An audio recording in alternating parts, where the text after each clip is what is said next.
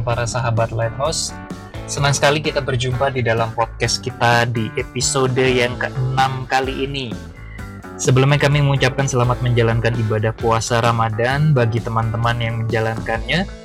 Semoga ibadah puasa kali ini boleh sungguh membawa keberkahan yang baik bagi kita semua. Juga masih dalam suasana pandemi virus corona, kiranya kita semua tetap memelihara harapan baik supaya kita tetap penuh semangat, tetap penuh harapan, tetap optimis di dalam menjalani kehidupan kita sambil tetap menebarkan kepedulian dan empati kita bagi orang-orang yang membutuhkan. Jangan lupa untuk selalu menebarkan kebaikan dan harapan di tengah suasana yang tidak mudah ini, teman-teman. Pada podcast episode kali ini, kita akan membahas satu topik menarik, satu tema kepemimpinan penting yang perlu menjadi inspirasi bagi kita bersama. Dan saya akan membawakan sebuah topik yang berjudul mengatasi blind spot alias mengatasi titik buta Nah, seperti biasa, teman-teman pendengar yang setia, saya akan mengawalinya dengan sebuah kisah menarik berikut ini.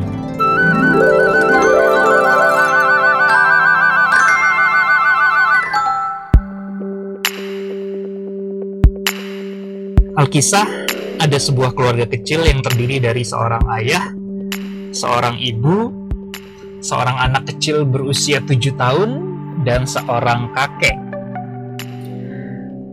Sang ayah adalah seorang karyawan biasa, sementara sang ibu adalah ibu rumah tangga, dan sang anak sedang berusia kelas 1 SD. Dan juga sang kakek adalah seorang pensiunan yang baru saja pensiun dari pekerjaannya sebagai seorang eksekutif, seorang mantan pejabat tinggi di sebuah perusahaan.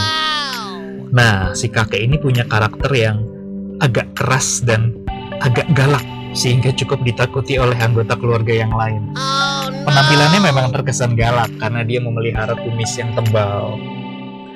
Nah, pada suatu hari keluarga ini lagi makan siang bareng di ruang makan mereka.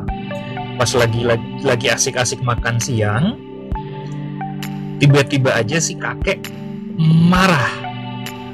Dia marah, dia bilang, "Kenapa ruang makan ini kok sekarang jadi bau kayak gini ya?" ternyata si kakek menghirup ada sesuatu aroma nggak sedap yang ada di ruang makan tersebut. Lalu dia marah dan protes. Kenapa ruang makan kita jadi bau kayak gini? Anggota keluarga yang lain diam saja karena agak takut.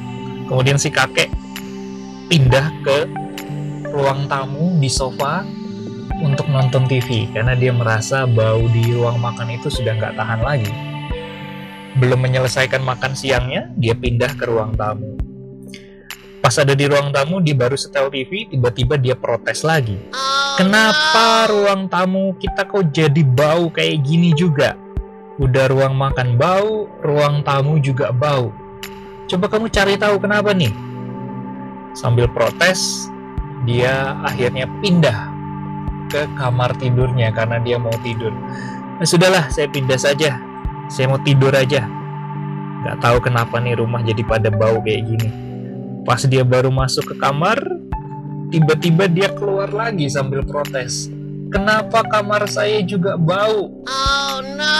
Ternyata seluruh rumah kok bisa bau kayak gini ya sambil marah-marah dia pergi keluar rumah. Udahlah, saya mau keluar sebentar, mau cari udara segar. Rumah ini sudah terlalu bau. Pas dia pindah ke teras depan, dia tarik nafas dalam-dalam karena mau menghirup dan mencari udara segar. Pas menghirup udara segar, tiba-tiba dia berteriak lagi. Ternyata seluruh dunia sudah bau. Oh no. Dan tiba-tiba sang cucu yang berusia tujuh tahun menghampiri sang kakek itu dan kemudian cucu itu bilang, "Kakek, kakek, maaf, di kumis kakek ada terasi kek. Akhirnya si kakek sadar bahwa ternyata di kumisnya ada terasi dan itulah yang menjadi sumber bau yang selama ini dia protes. Ya teman-teman sahabat-sahabat lighthouse yang baik para pendengar yang terkasih kisah ini menarik sekali dan menjadi inspirasi yang penting buat kita Mari kita bahas beberapa hal yang bisa menjadi pembelajaran bagi kita bersama.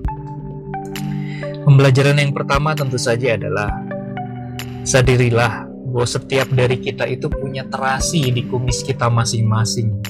Masalahnya adalah kita tidak sadar bahwa kita punya terasi, kita punya kekurangan, kita punya kelemahan yang kita tidak sadar namun orang lain sadar dan mengetahuinya. Nah inilah yang disebut dengan blind spot alias titik buta teman-teman. Yaitu satu hal yang menjadi kekurangan kita dan kita tidak menyadarinya.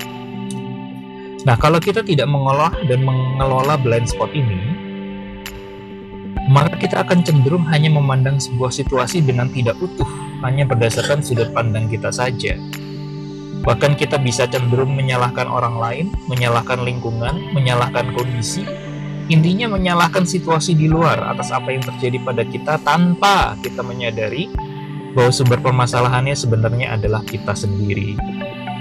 Karena seperti yang terjadi pada si kakek di kisah tadi ya, dia menyalahkan situasi di luar dirinya.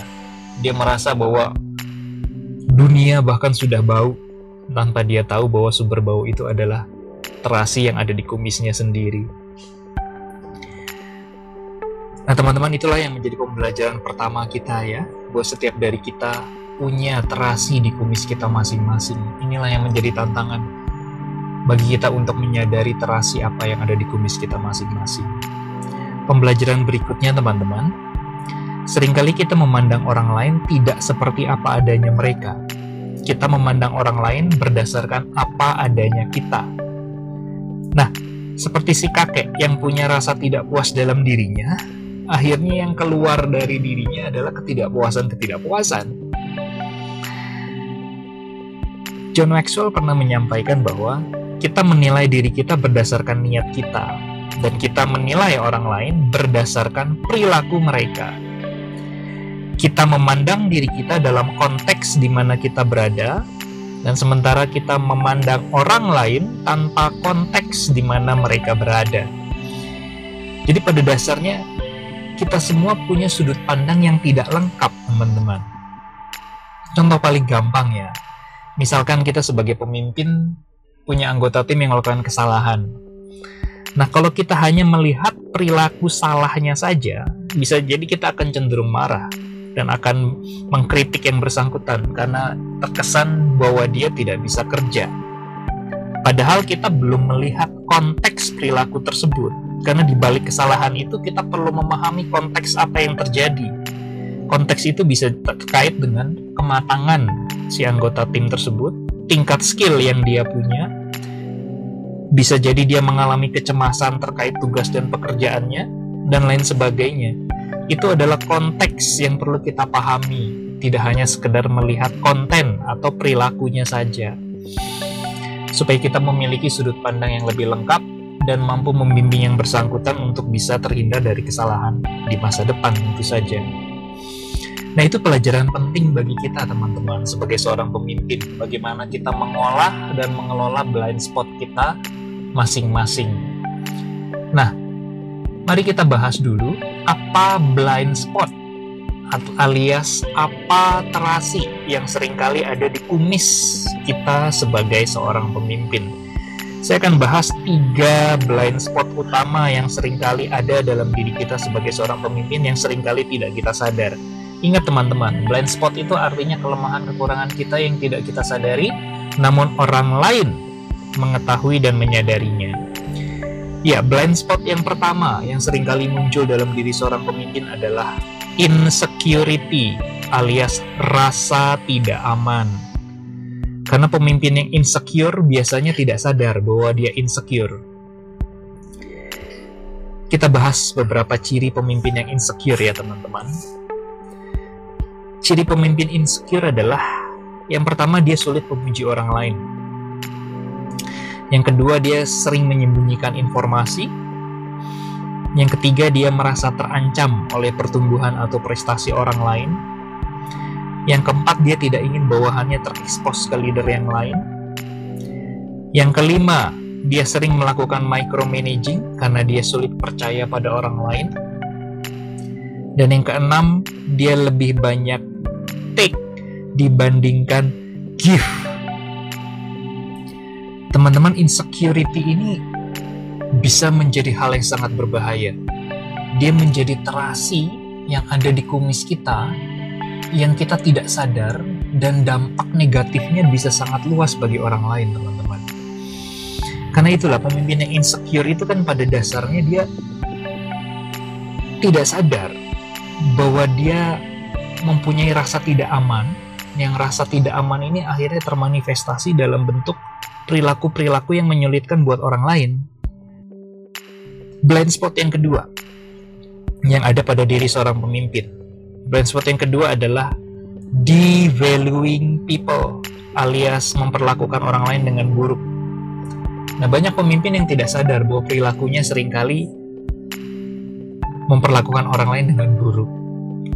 Bicara kasar, tidak mendengarkan, melakukan personal attack, tidak menaruh hormat, mengkritik di depan umum, tidak empati, maksain kehendak, menyalahkan orang lain, memberi stigma negatif. Nah, itu contoh-contoh perilaku di mana kita memperlakukan orang lain dengan buruk. Nah, sering kali leader tidak sadar bahwa beberapa perilakunya itu sebenarnya mendevalue people. Memperlakukan mereka dengan buruk. Nah, blind spot yang ketiga yang sering kali ada dalam diri seorang pemimpin adalah ego yang di luar kontrol. Ketika pemimpin merasa lebih tahu, lebih mampu, lebih ahli, merasa dia adalah organisasinya, merasa dia yang paling berprestasi, merasa paling berhak, dan akhirnya dia akan cenderung menyalahkan orang lain dan melakukan denial atau mengabaikan apa yang seharusnya menjadi concernnya Bahkan dia juga bisa sering kali menutup diri terhadap feedback. Nah, ego yang di luar kontrol inilah yang merupakan terasi di kumis yang perlu kita kelola, yang perlu kita atasi, yang perlu kita hilangkan bahkan dalam diri kita sebagai seorang pemimpin. Nah, jadi sekali lagi teman-teman, ada tiga blind spot yang sering kali muncul dalam diri seorang pemimpin. Itu di, blind spot ini menjadi terasi yang ada di kumis kita, yang memberikan efek negatif bagi orang lain. Yang pertama adalah insecurity, yang kedua adalah devaluing people, alias memperlakukan orang lain dengan buruk, dan yang ketiga adalah ego yang di luar kontrol. Teman-teman hati-hatilah terhadap tiga hal ini, karena ini adalah blind spot yang menjadi tantangan bagi kita untuk kita kelola dan kita olah. Nah, bagaimana cara mengelola dan mengatasi blind spot? Saya akan bahas langsung dan memberikan tips praktis bagaimana mengelola dan mengatasi blind spot. Kita akan bahas lima hal utama. Yang pertama adalah sadari bahwa kita memiliki blind spot. Ya betul, kunci utama bagi kita untuk mengatasi blind spot kita adalah menyadari bahwa kita punya blind spot. Karena tidak ada seorang pun di dunia ini yang terlepas dari blind spot. Setiap dari kita punya blind spot masing-masing. Kunci awal adalah menyadari bahwa kita punya blind spot itu. Dan yang kedua adalah mintalah pada orang-orang terdekat kita, orang-orang yang kita percaya, untuk mengidentifikasi apa blind spot kita. Jadi kita perlu tanya ke orang-orang terdekat, orang-orang yang kita percaya, apa hal-hal yang selama ini menjadi kekurangan kita yang perlu kita perbaiki apa hal-hal kelemahan yang tanpa kita sadari mengakibatkan dampak negatif bagi orang lain.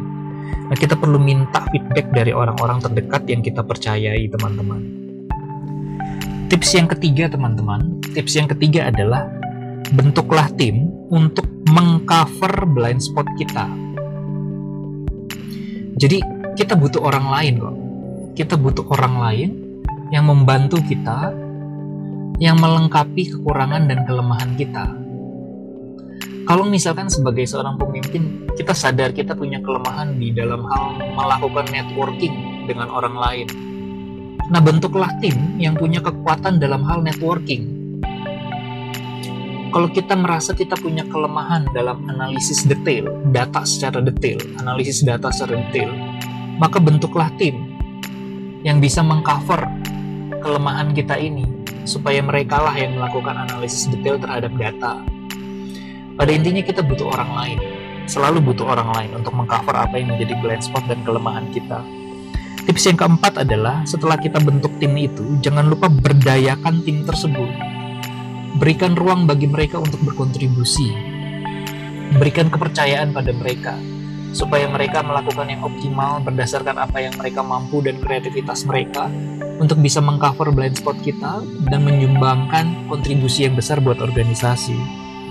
Dan tips yang kelima tentu saja apresiasi dan hargai tim kita tersebut.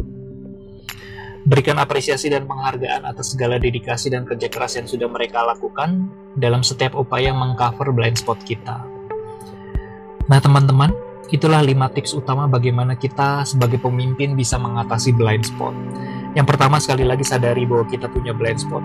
Yang kedua adalah minta feedback, minta masukan dari orang-orang terdekat yang kita percaya supaya mereka memberikan masukan apa hal-hal yang menjadi kelemahan dan blind spot kita. Yang ketiga adalah bentuk tim untuk bisa mengcover blind spot kita, untuk bisa melengkapi apa yang menjadi kekurangan kita.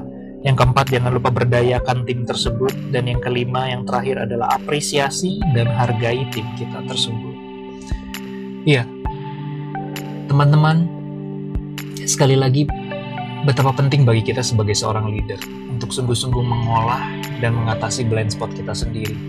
Karena sering kali kita tidak sadar bahwa sumber perilaku negatif sering kali bukan berasal dari orang lain, melainkan berasal dari diri kita sendiri. Seperti itu. Nah, teman-teman sebagai pemimpin sejati yang terus berjuang dan terus mengolah diri, terus meningkatkan dan memperbaiki diri kita, inilah tantangan yang perlu kita lakukan, yaitu mengatasi dan mengolah serta mengelola blind spot kita sendiri. Baik teman-teman, terima kasih sudah mendengarkan episode ke-6 dari podcast Vitamin Kepemimpinan ini. Terima kasih untuk selalu setia mendengarkan kami. Kami senang untuk bisa berbagi dan jangan lupa bagikan podcast ini sekiranya podcast ini telah menginspirasi teman-teman agar podcast ini juga bisa menjadi sumber inspirasi bagi yang lain. Selamat memimpin, selamat mengelola blind spot kita masing-masing. Salam dari kami, Lighthouse Training, dan salam pemimpin sejati.